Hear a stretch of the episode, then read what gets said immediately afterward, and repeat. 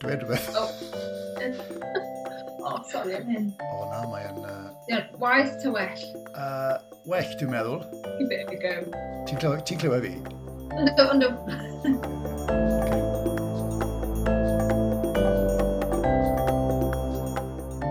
Fy ngwraig gwael, wythnos hyn, ar Cymeriadau Cymru yw Nicky Pilkington.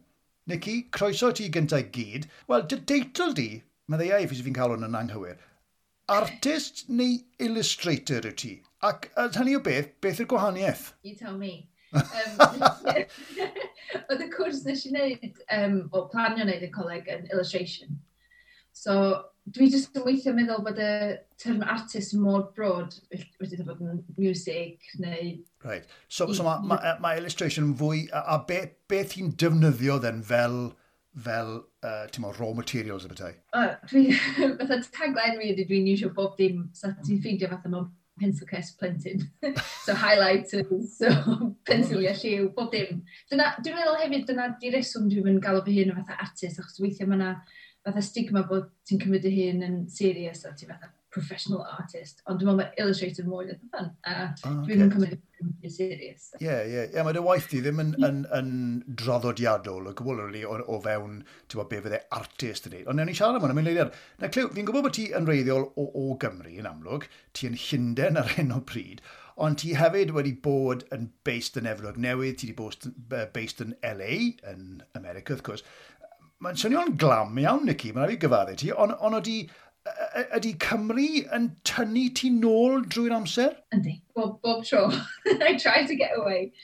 yeah. Na, dwi'n nes i gychwyn yn, yn y astudio yn Llundain, a wedyn mynd i Paris am flwyddyn, a wedyn Efrog Newydd am 5 mlynedd a hanner ish, a wedyn LA am 2-3 mlynedd, a wedyn yn ôl just cyn Covid blwyddyn dwi'n dweud. So, ond bob tro dwi wedi bod tra mor dwi'n dod adro well, i weld teulu, obviously, a hefyd uh, er mwyn gwaith, achos dwi dal wedi bod yn gwerthu gwaith fi ar etia, felly sydd dwi'n dod o stoc yeah. Pan ma'n i'n efrog newydd o'n i'n dod adro, rhyw 3-4 gwaith y blwydd, uh, blwyddyn, am right. ryw sort of 2-3 wsos ar yr amser. Sut ydy ffind dy hun yn efrog newydd i, i gychwyn arni? Hynny yw, ti'n ma, merch o, o, o Gymru bethau yn sydd nawr, mae'n mae efrog newydd ac yn LA yn... An Ble gen ti wedi bod mor llwyddiannus a mor llywyrchus dros, mo, yn, mewn, mewn amser cymharol, fyr yn dod mewn ffordd, ond how the hell did you find yourself in New York? Wel, um, so nes i astudio yn Llundain, a wedyn, actually, nes i'n just gael degree, nes i gael gŵr hefyd. Oh, right. so, um, nath o dain i ni astudio fanna ac oedd o'n neud graphic design. Wedyn gath o job yn... Nath, nes i aros yn Llundain am ryw blwyddyn a gweithio um, wneud fath o work experience efo uh, ranking y photographer. Oh, wow. A wedyn ar ôl hynny gath o job yn uh, Paris. So, obviously, efo'r um, EasyJet, Manchester nôl ac ymlaen, oedd o mor hawdd, hawdd i gweithio o Paris a a o Gymru, achos o'n i'n amser yna, ni wedi cychwyn wneud um, gwaith mewn fatha gwahanol um, o'n i'n neud ar yn, yn Cymru. So oedd o'n hawdd i fi wneud y gwaith yn Paris, wedyn trwy fydd adre fy lluniau a neu bethau fel yna, a cychwyn stocio gwaith fi yn um, gwahanol orialau ar draws Cymru. Yeah. A wedyn, o'n i, Paris yn lle anodd iawn i fyw. Oedd o'n... um, O, mewn pa ffordd? Do'n i'n gallu siarad Ffrangeg, so dwi ddim yn helpu. I didn't really listen to French. a mae o'n lle anodd i wneud ffrindiau. Os ti'n siarad um, Ffrangeg, mae o'n... Um, oedd o'n oedd gen pobl clics bach nhw'n barod a doedden nhw'n angen hogan bach Cymraeg. so, ac oedd y gŵr fi gweithio um, ofnadwy o hir, so o'n i'n ar ben hyn lot. So o'n i'n, oedd New York di fod yn dod o'n i di bod, o'n i di eisiau bod, a oedd o'n rili lwcus oedd yn gallu, um, efo'r cwmni oedd yn gweithio fo, gael fath o transfer i'r office yn, yn America, yn New York. So nath ni symud i fanna, a o'n i'n gallu gweithio. Oh, so dwi wedi bod yn freelance ers graddio yn 2009. Oh, right, okay. So yeah. ti'n cael mynd sy'n coleg a gwe, cychwyn gweithio. O'n i'n lwcus nes i gael um, gwaith efo agency, nath nhw seinio fi fyny kind of syth bin, a nes i gweithio efo um, cwmnïau fatha Topshop a Ted Baker yn syth, so oedd o'n fatha beyond my wildest dreams, oedd gynnau fatha portfolio um, yn lle gorau fath o mynd as bobl bod fatha, this is kind of what I can do, ond i gallu profi be yn gallu gwneud i cwmni yma. So, yeah, yeah, yeah, of course. Mm. Mae'r ma, ma, ma Parisians yn well-known iddyn nhw fod bach yn anodd i fyw efo. Maen nhw'n ma nhw mm. meddwl bod nhw i'r bobl gorau yn yr holl fyd sy'n efo. Ond on, on, sut, mo, sut brofiad ydi in that case, den, ti'n mo, ti'n gweud bod ti'n merch fach o Gymru, a ti'n mynd i Baris, okay, a wedyn ti'n mynd i Efrog Newydd. Ti'n ma, mae hwnna'n Mae hwnna'n freuddwyd, ynddi? O'n i'n teimlo fatha, I got my wings, o'n i just yn caru bob, min bob munud o um, ebog newydd. Yeah. Oedd o'n just, dwi'n meddwl, achos bod o'r lle mae pawb wedi cael ei llechi fewn yna, does na'n gymaint o bobl sydd o fatha teulu, mae yna lot o fatha expats a pobl sydd wedi dod yn arbenn ei hun, neu fatha couples. So, oedd o'n hawdd iawn i wneud ffrindiau. A hefyd mae nhw'n fatha interested yn y, yn y link Cymraeg i fynd, oh, where are you from? Oh, yeah, uh, yeah. So mae'n fath o talking point yn byn hefyd. Oedd o'n, no, dwi'n dwi methu efo'r newydd gymaint, o'n i'n cario. Ond oedd ni symud yr amser, oedd ni dal yn cario. So oedd yn amser iawn i adael, achos oedd gymaint o ffrindiau ni wedi symud ymlaen, a oedd ni'n gadael yn meddwl fatha, oh, we love it, ond amser iawn i gadael yn lle bod fatha, oh, here we go again. Achos mae yna chydig bach fatha groundhog day, achos ti'n mynd weekends, mynd allan am brunch, a wedyn mynd i'r hyn bars a restaurants, a mae'n amazing, ond yeah. fatha ffeg, fatha playground mawr i... Ac yn anhygoel o ddrud os fi'n cofio'n iawn. Fi wedi bod na unwaith, oh. a oh. my god, mae'n ddrud. A hefyd, nes i dreulio, nes i dreulio rhan fwy'r amser yn, yn siarad â phobl, fe ti'n gweud, achos maen nhw'n clywed ti'n siarad Cymraeg neu'n sylweddol bod ti'n dod o Gymru. Anyway, ti'n gan i ddyn nôl o i dy, i dy, i dy waith i os newni, be, beth yw dy ddylanwadau di, slyg i di? Be, beth yw'r dylanwad? Os na, os na thema arbennig yn perthyn i dy waith di? Oes, well, um, mae'r iaith Gymraeg wedi bod yn rhan huge o, o beth dwi'n gwneud. Um, ers y cychwyn, really, nes i, oedd grad fi, oedd yn fod yn fashion illustration, achos o'n i'n gwybod, o'n eisiau gwneud beth efo fashion, a celf hefyd, ond um, o'n i'n kind of ddim really siwr sure be, a wedyn, long story short, nath y tutor gadael ar ôl rhyw mis uh, ar cwrs ni, so do'n nhw'n digon o student i gael um, tutor newydd, so do'n nhw fatha, well, choose something else. O'n wear, women's wear, textiles, fashion promotion. So, yr obvious, do'n i'n eisiau gwneud dillad, do'n i'n eisiau gwni yn o'n fyd. So, nes i ddewis um, fashion promotion. A dwi'n meddwl, uh, hands down, peth gorau sydd wedi digwydd i fi, achos yn lle neu cwrs lle o'n i jyst yn neud lluniau trwy dydd a um, neu gwahanol fatha arddull o, o peintio bob dim. O'n i'n dysgu i kind of brandio fy hun fatha artist hefyd, so o'n i'n neud pethau fatha photography, photoshop, InDesign, fatha y pethau, y skills ti rili really angen fatha freelancer hefyd, so dos am handbook obviously i, i gweithio i dy hun. So oedd o'n really fatha kickstart i, i fi kind of brandio fy hun fatha. A wedyn hefo social media hefyd, social media ddim really yn wbeth yeah. amser yna. So oedd yn kind of, nath o paratoi fi chdi bach at Ie, yeah, gan, gan, gan, gan i siarad hwnna, mae'n neud fi'n gwybod mae social media yn, yn rhan bwysig yn enwedig Instagram yn rhan bwysig iawn o, o dy yrfa, di dwi, e, a dy dyfywoliaeth. Ond ti'n dyr yn ôl i'r, ir themau, ti'n gweud mae, mae iaith a, a Chymru a, a ffasiwn, felly. Ond dwi'n gweld lot o, dwi'n gweld lot o anifeiliaid a natur a fath na o beth yn dy waith di, dwi'n iawn? Mm, oes, mae'n um, fath o bob hogan yn eisiau bod yn vet. Reit, oce. Hogan yn eiliad mwyn o bobl dwi'n meddwl. Uh, a dwi jyst yn cael ei wneud lluniau o'n Mae'n mae fatha, the world your oyster does nam limitations yma ni fi So, ie. Yeah, um, Wel, nes i cychwyn efo'r iaith Cymraeg, nes i ar ôl Llundan, nes i symud yn ôl am rhywun i Cymru a nes i gael um, job yn gweithio yn odol plas gwynweddw yn Llanbedrog. A mae o'n, um, mae'n a lot o um, volunteers sy'n gweithio yno, a lot yn nhw yn hynach na fi yn fath o retired uh, bobl Cymraeg sy'n um, volunteerio yna. Ac o'n i'n sgwrsio fo bobl, a ar ôl fi byw yn Llundain am rhyw 4 mlynedd, mae fatha wwan mae'n Cymraeg i'ch bach yn rysti, achos wedi bod i ffwrdd am gymaint, ond o'n i'n um, sgwrsio fo bobl yma, ac oedd yn y dweud idioma yma a dywediadau yma, do'n i'n di glwad o'r blaen, ac o'n i'n fatha, fi wedi tyfu yn yn, yn penllun, yeah. a mae'n cymryd dywediadau yma, dwi'n di, obviously fatha, um, uh, ffidil yn y to a uh, cicio oh. brathu rhywbeth yna, o'n i'n gwybod. Ond o'n rhai o'n oedd dweud, ac o'n i'n meddwl, mae hwnna mor hyfryd, a mae gymaint o biti bod fi'n bo fi'n mynd abo nhw. So, o'n i'n cychwyn neud fatha lists bach a wedi mynd adra a research nhw am fatha... So, o fanna, o'n i'n fatha, sy'n rili really neis i fi cymysgu um, fatha arddull reit modern fi hefo'r um, hen dywediadau yma. So, dyna can of fatha lle nath bob dim cychwyn. Yeah. Ond eto, mae, ma fi'n lycio'r cyfuniad o, o pethau wel, dim traddodiadol, I suppose, ond yr uh, uh, uh, simple illustration o anifal yr er enghraifft. A wedyn, yng nghanol hwnna, mae yna ma, na, bursts o liw yn does. Mae lliw yn, yn rhywbeth trawiadol sy'n neud ti'n hollol unigryw mewn ffordd. Ti'n nes i weld rhywbeth rhyw, rhyw uh, blaidd neu cyn neu bynnag o dde. A wedyn dots bach o liw bob man. A, a mae hwnna'n hwnna neud yn hollio wahanol, so mae hwnna'n fwriadol, di? Ydy, mae yna lliw yn bob dim. Dwi'n gwybod, mae gennau ffrindiau sy'n stafio fi enw fi'n ffôn, fatha Neon Queen. so, mae bob dim... Dwi wedi trio neud pethau heb lliw, a hefyd efo, efo social media mae pobl fatha, oh, dwi'n methu lliw, so I can't get away from it now. Yeah. Dwi'n beth fi'n yeah. Dwi'n meddwl hefyd eto efo'r idioma, ond na gymaint o anifiliad yn y hyn idioma yma. So dyna lle oedd y anifiliad yn cychwyn dod i fewn i gwaith fi hefyd. Oh, oce. Okay. Fytha iar yn y glaw a pethau fel la. So cymysgu bod ia, y genod anifiliad a lliw ydy'r probably yeah, pethau. Yeah, yeah.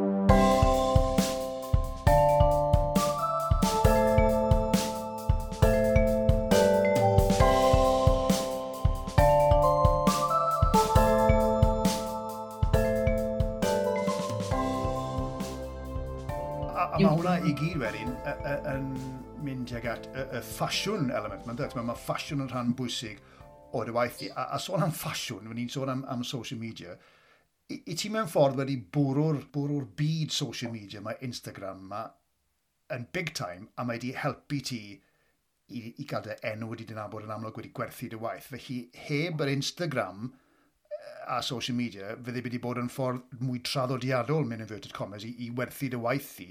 Felly, ydy, y cwestiwn yw, ydy social media yn amlwg, sy'n ni'n meddwl gyda dros bych, 60,000 o followers efo'r Instagram, wedi, wedi, wedi helpu dy yrfa di a wedi codi dy, dy broffil di, cant a gant, sy'n ni'n meddwl, ne? Mae'n rhywbeth achos mae'n fatha a double-edged sword, mae o'n anhygoel i gwaith fi, lle dwi'n gallu postio llun, rhannu fo fo miloedd o bobl.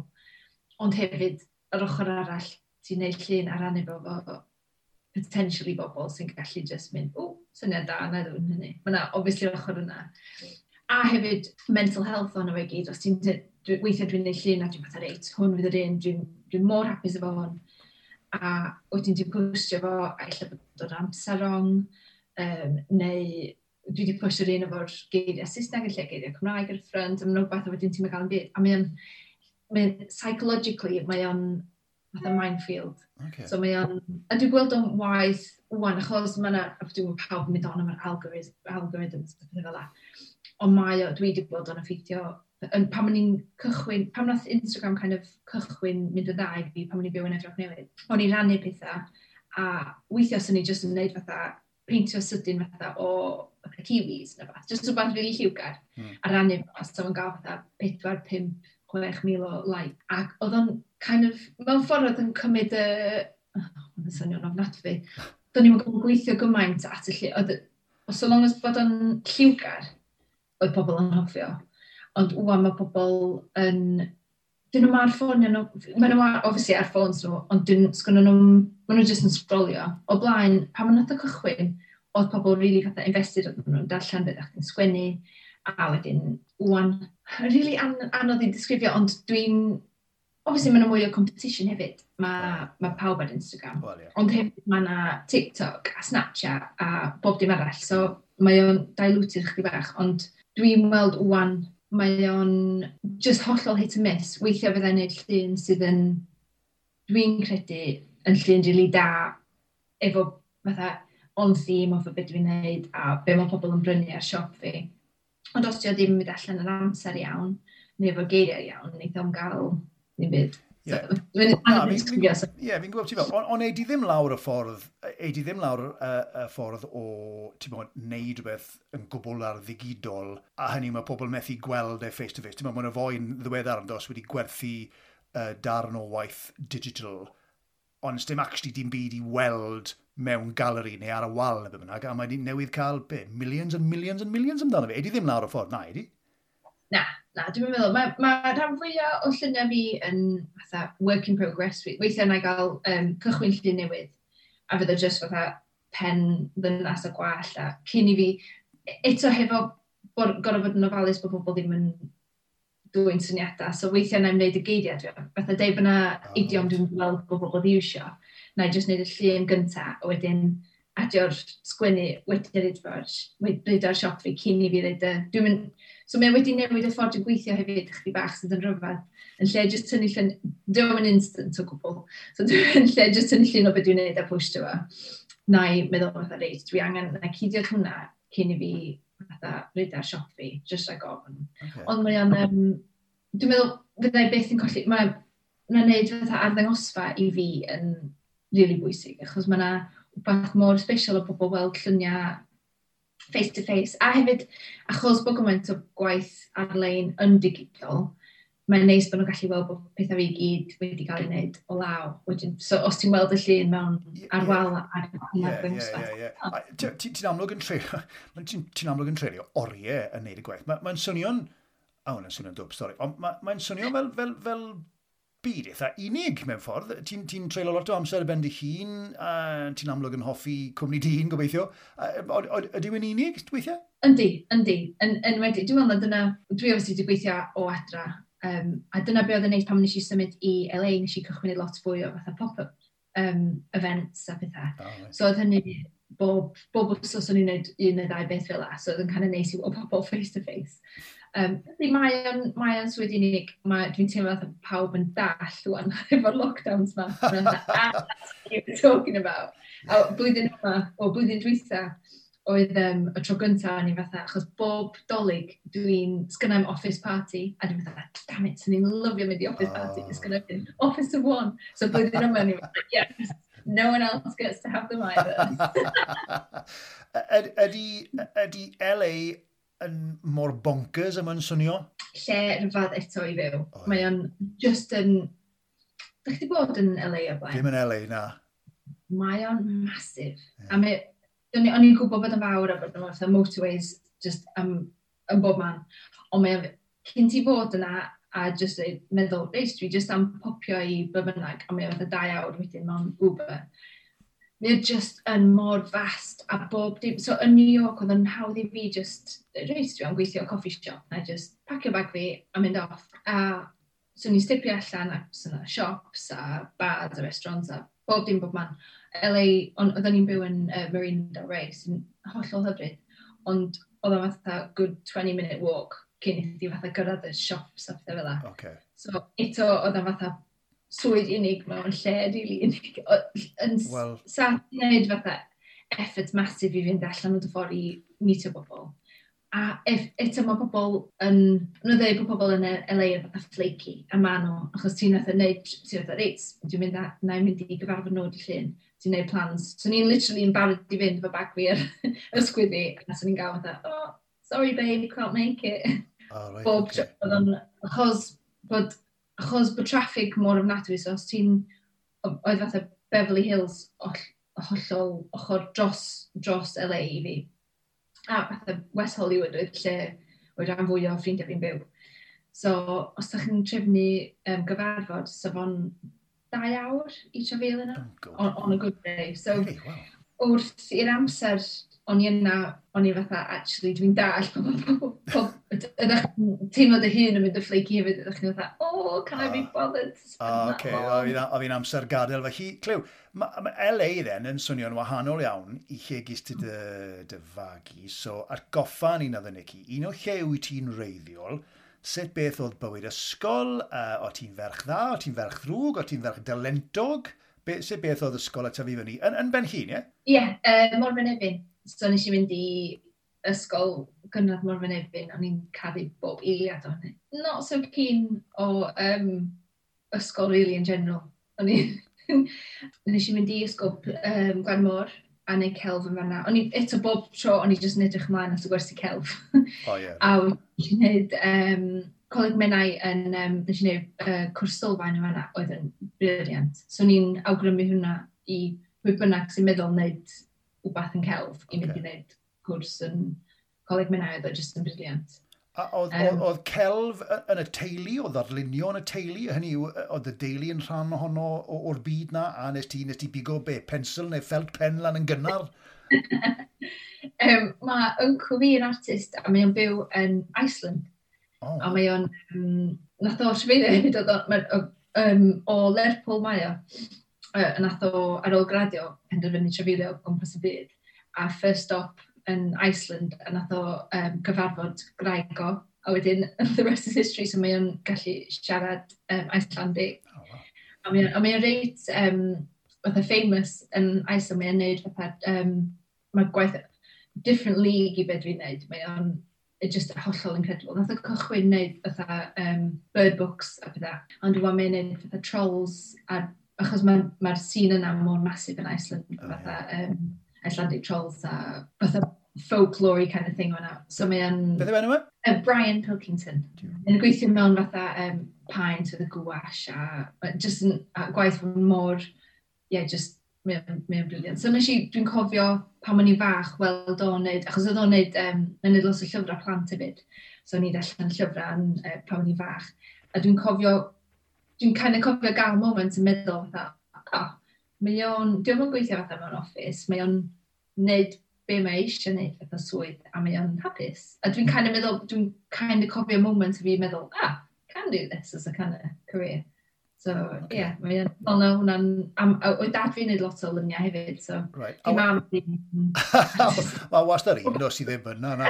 A, a, a wedyn nes ti i, i goleg wedyn, y ti'n gweud wedyn i, i astudio be, celfi, neu dilynio? Ie, yeah, nes i mynd i... Um, nes i wneud y foundation course yn um, Bangor, a wedyn i Llundain i wneud uh, uh, fashion fashion illustration ond fashion promotion oedd yn diwedd. Fysa ti'n annog unrhyw un i fynd i goleg sydd gyda diddordeb... Hynny, y cwestiwn yw, os rhaid fynd, mynd i goleg i astudio, ti'n meddwl, petai unrhyw fath o, o dalent gyda ti, os rhaid mynd i goleg neu brifysgol i mynd ymhellach, neu wyt ti'n gallu gwneud e ar liwt dy hun y bydau? Cwestiwn rili anodd, achos dwi'n mynd er, er bod y promotion, ochr promotion o gwaith fi, di bod yn rili really dda i beth dwi'n gwneud dwi'n, nes i'n dysgu wneud lluniau yn prifysgol. Do'n am un gwers o, right, this is how you draw whatever. Do'n am fatha still life na byd, o gwbl. So, obviously, mae'n ymdryd. a mae'n lot o weithio nôl i gael i, i talu hwnna i gyd off. Ond dwi yn dweud bob tro I did get a husband out of it. Ie, dim pawb sy'n mynd i gael gwrach ar hwn, dwi'n mynd i goleg, Nicky.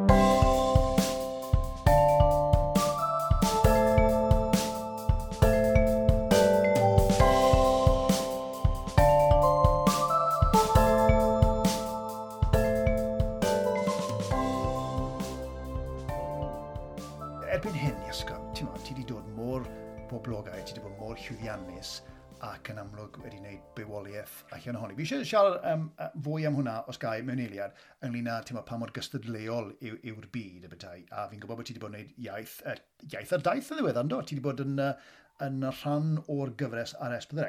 Ond, cyn mynd ymhellach, Nicky, dwi'n mynd i roi deg cwestiwn bach i ti, fath o quick fire questions, iawn? A yeah. fi'n gwybod ar champion i'r rai, okay, fi'n gofyn sbon, ond uh, a gen i ymlaethu uh, os ti eisiau, ond uh, newn ni roi cloc mlaen, o oh, fi'n newid rwan, newn ni roi cloc mlaen rwan, reit, oce. Okay. Right. uh, rygbi neu pel droed? Rygbi. A rhaglenni dogfen neu bach o reality trash TV? O! Oh. Mae'n wyneb di gwneud y cyfan, reit, oce. Okay. Um, oh, gael ei ddim um, Murder Mysteries, a crime, crime documentaries.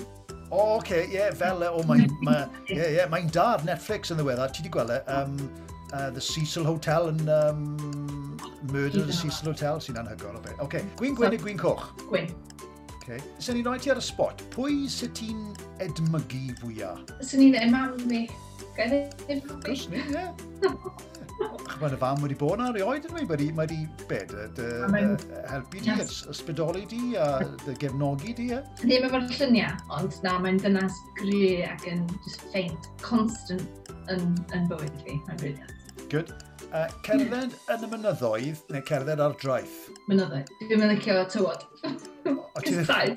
Really? Oh, Yn Be, merch ben hun? Really? Ysgwb da. A eleni hefyd cysau Wyt ti'n berson bore neu berson nos? Nos. Yeah. Dwi'n fydda na i dal, dwi'n cychwyn, dwi'n meddwl o syniadau gorau fi fydda un yn bore.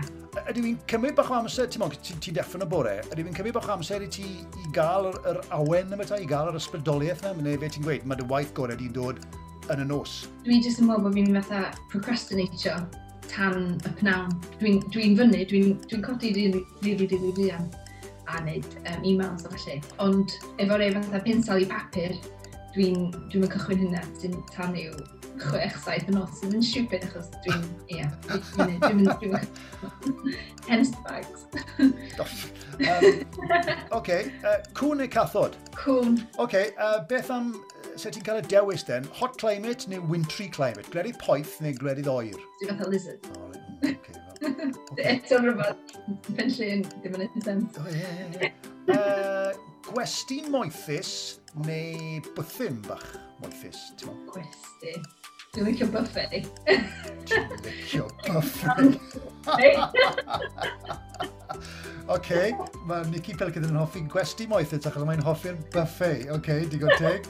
Oce, okay. nawr fi wastad yn dweud i, i ti'n mwyn bobl, ti'n mor ifanc, i beidio difaru unrhyw beth yn dyfywyd i'n amlwg. Ond petai ti am difaru unrhyw beth o gwbl, oes na un peth ti'n difaru? Ww, mae'n rhywbeth da. Um, o, really? um, Swn i'n gallu dweud, illa, diolch yn rili at y cwestiwn, ond dwi'n poeni gormod. Dwi'n meddwl, os swn i'n gallu mynd yn ôl a ne newid y fath, so fatha, believe in yourself and stop bloody worrying. Dwi'n poeni am bob dim. Dwi'n poeni os ti ddim yn poeni. O oh, ie, yeah. o oh, wel, ie, yeah. ti'n meddwl be, o'n i'n arfer fel fanna, ond mae ddeith hwnna gyda'r amser. O, dwi'n cael, swnio fi, fi swnio'r o'r air, rhaid old bloody old man yn mi. O, oh, god. Um, ar yn ola then, pryd oedd y trwetha nes ti ddawnsio? Honest truth bore yma, achos... No way, really, really? Nes i, um, dim fatha full on music oh. on a high no, heels, ond Nes i um, launcho mugs newydd ar Shopee a nes i gwerthu rei ac o'n i'n... Oedd y gŵr fi ar phone call a nes i yn mute it, mute it! Ac o'n i'n dwysio. It is true when you...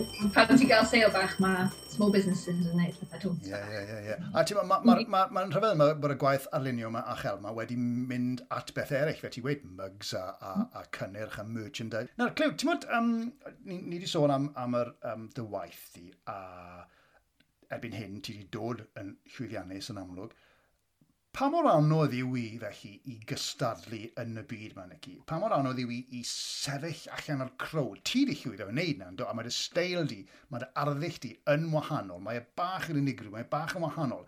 Felly ti, ond ydy i'n anodd? Ti'n mae bon efo lot fawr o bobl na eisiau fod yn, yn artist neu yn, ti'n illustrator neu be bynnag.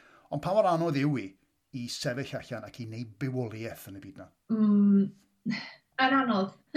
yn anodd. Yeah. Mae, um, dwi'n meddwl eto oedd gynnau'r gwaith lliwgar neis, ond hefyd adio'r Cymraeg iddo fo, oedd yn gwneud fath angl arall i fi. Ond eto mae yna gymaint o pobl wwan yn trio, enwedig efo lockdown, mae yna gymaint o bobl wedi golli swydd nhw, so maen nhw'n cychwyn fatha, o, be gan neud, so maen nhw'n cychwyn busnesu bach ond dwi'n teimlo fatha, os ti'n gael fatha grŵp bach o loyal supporters, mm. i di mor bell, achos os ti'n os ti'n fatha aros yn fatha stay true i beth ti'n neud, a ddim trio just mynd ar ôl y, y pethau ti'n meddwl wneud gwerthu bob tro. Achos weithiau dwi'n neud, dwi neud llun just achos dwi eisiau neud y llun na. Dim achos bod am bod yn print neu mug neu beth bynnag. So, os ti'n gael fatha loyal following sydd yn dilyn beth ti'n neud. Fatha, ach, pam nes i symud um, tramor, o'n i fatha, ah, bydd am y gwerthu gwaith Cymraeg o gwbl, bydd neb eisiau brynu. Ond o'n i, oedd y pobl yn Cymru dal yn supportio fi. A dwi'n meddwl bod pobl Cymraeg mor supportive o bobl Cymraeg, a maen nhw eisiau chi llwyddi. So, o'n i'n gallu, o'n i'n lwcus iawn yn gallu cadw ymlaen neu be, be o'n i'n neud. Yeah. A yn byw fatha double life mewn ffordd. Um, so, kind of, So ie, yeah, dwi'n meddwl, mae, os ydyn ni'n rhaid fatha advice i rywun, fysa fo i fatha consistency trwy gwaith. Fel, oedd o'n bwysig i fi pam nes i cychwyn allan, bod os oes ni'n cysylltu efo cwmni yn dweud, hi, I'd love to work with you, bod gwaith fi yn consistent a fysa nhw'n gwybod yn union beth sy'n nhw'n gael gyda fi. Fytha, reit, oce, okay, da ni eisiau heidio hi, dyma'n union beth fydd i'n neud. Hmm. Achos os ti'n obviously pan ti'n cychwyn allan, ti'n trio chdi bach o bob dim sydd yn gret, ond wedyn ti angen fatha ffocysio a wneud fatha ffeindio beth ti'n caru. A os ti ddim yn caru, os ti'n stael ti'n neud jyst achos ti'n meddwl neud i werthio, mae o'n iawn o'n chydig bach, ond ti'n gorau rili, rili caru. Fatha, dyna ddod blaen o'n i'n neud, mae gennau fatha series bach o raccoons sydd yn um, Couture Bandits di enw nhw. A maen nhw gyd yn gafel mewn fatha, maen un fatha um, Chanel, bottle o Chanel, a un o'r fy handbag YSL. Right. Neu di newid yn o'r blaen a mae o'n fatha gafel ar belt bach Gucci. Ac o'n i'n geis i fynd yn fatha, what is my job? just that, this is weird. Yeah, I need I need a proper job. Yeah, yeah, yeah, yeah.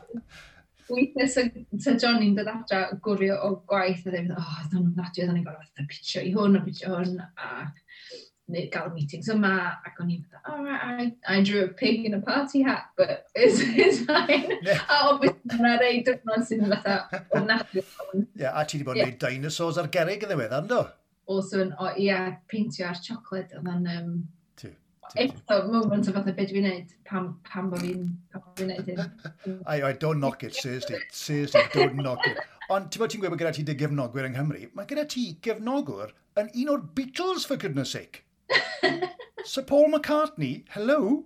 Blinkin' ex, beth oedd yna?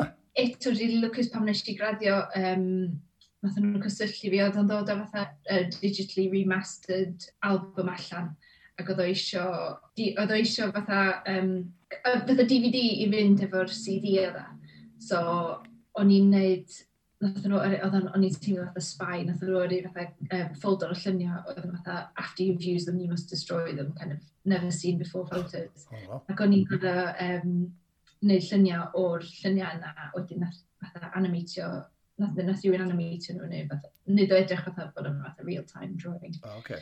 Neis, neis gael uh, Sir Paul McCartney ar y CV, dwi, no, blinkin, ec. Um, a, a, sôn am um, CV, mae dy sydd fi di mewn ffordd wedi dod nôl i Gymru fach mewn ffordd yn ddiweddar, achos ti wedi bod yn gwneud gwaith ar y gyfres dyledu yr esbyrec, iaith ar daith. Na'r esbonio ni, be, beth yw dy rôl di yn y gyfres honno? So, um, yn diwedd bob um, daith, mae um, ma presenter yn, well, ffrind y, y, y person sy'n gwneud y, y daith yeah. yn gael llun.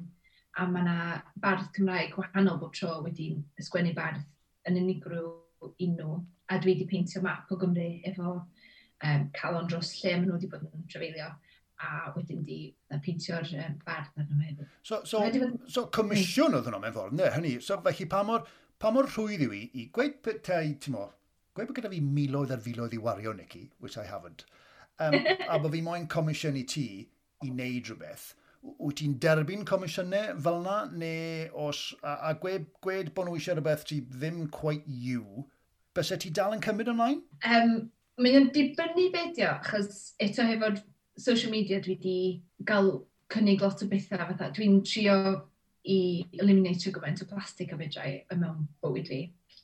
So dwi'n cael lot o uh, cynnig un fatha um, water bottle companies sy'n dweud, hey, promote this, a dwi'n dweud na bethau fel yna. A weithiau mae'n anodd achos weithiau mae'r rhain yn nhw'n really lucrative. Ond moral compass, ti'n gorfod bod yn hapus efo beth i'n neud. Ond fatha private commissions efo bobl sy'n fatha, hei, da ni eisiau llun at pedlwy rhywun, dwi'n gwneud gymaint o fedrau. A mae hynna dwi'n rili really mwynhau nhw achos mae'n yna'r fwy o ryddid i... Fydra gweithio fatha one-on-one, -on -one, weithio fel cwmnïau mawr. Mae gen nhw fatha rigid, reit, dyn angen hwn a hwn. A fetra i'm dilyn i'n inputs fi yno fo. Oh, Ond efo person jyst yn sôn fatha, dwi'n meddwl, hei, be am wneud beth bynnag a mae o'n fwy, ia, yeah, mwy okay. o hwyl. Yeah. A, a falle bod ddim eisiau ti ddefnyddio rhyw ffont arbennig neu rhyw pantone arbennig a, a fath na beth. Felly ti'n rhoi dy steil dy hun uh, ar, ar y darn. Wyt ti...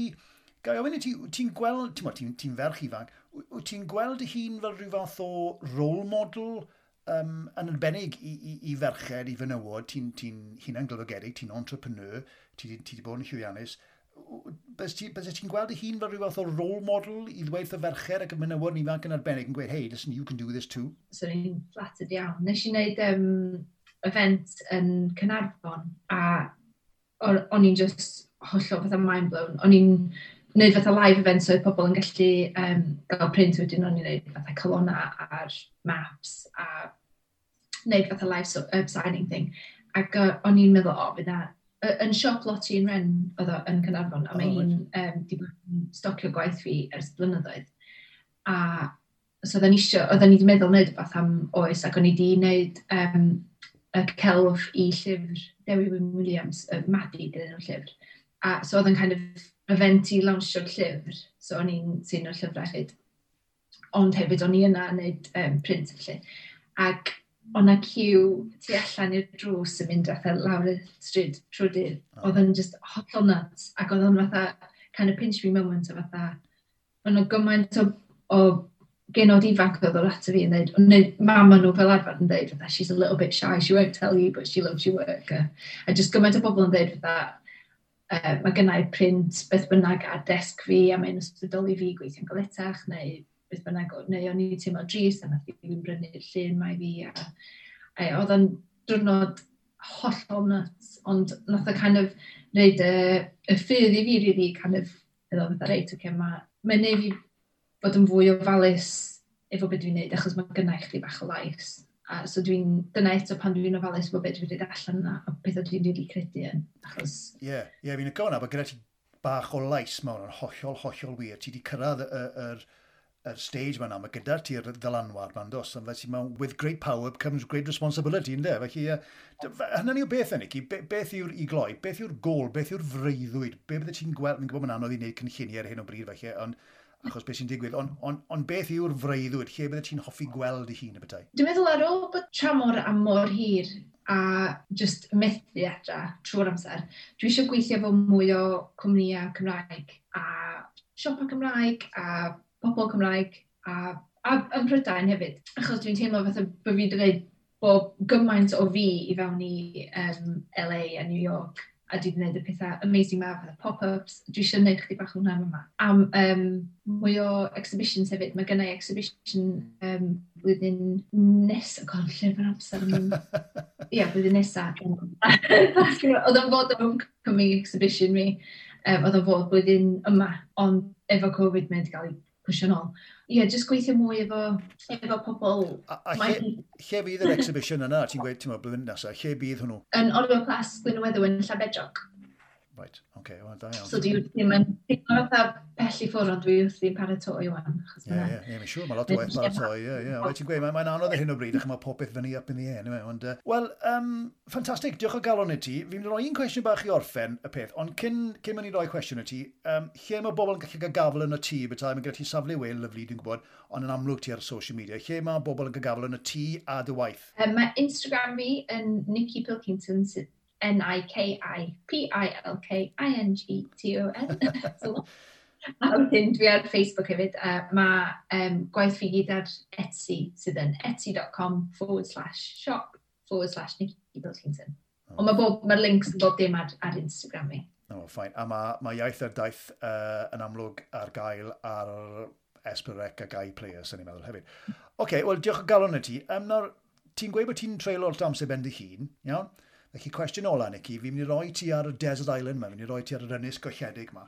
Mi'n siŵr am lle, rhywle, rhywle poeth, sy'n gael. Um, just ti, oce? Okay? Na, stym, stym plugs ar yr ynys yma, mhm. felly beth yw'r un... Beth yw'r un eitem foethus, os lyci di? Beth yw'r un eitem byddai'r rhai ti fynd gyda ti oh. ar yr ynys yma? Good question. Wel, rhywbeth, hmm. rhywbeth i dynnu chi, ie, ie. Sketchbook bysa. Ie, yeah, ie, yeah, mi'n i weid. Sketchbook a pensil yeah, highlighters. highlighters.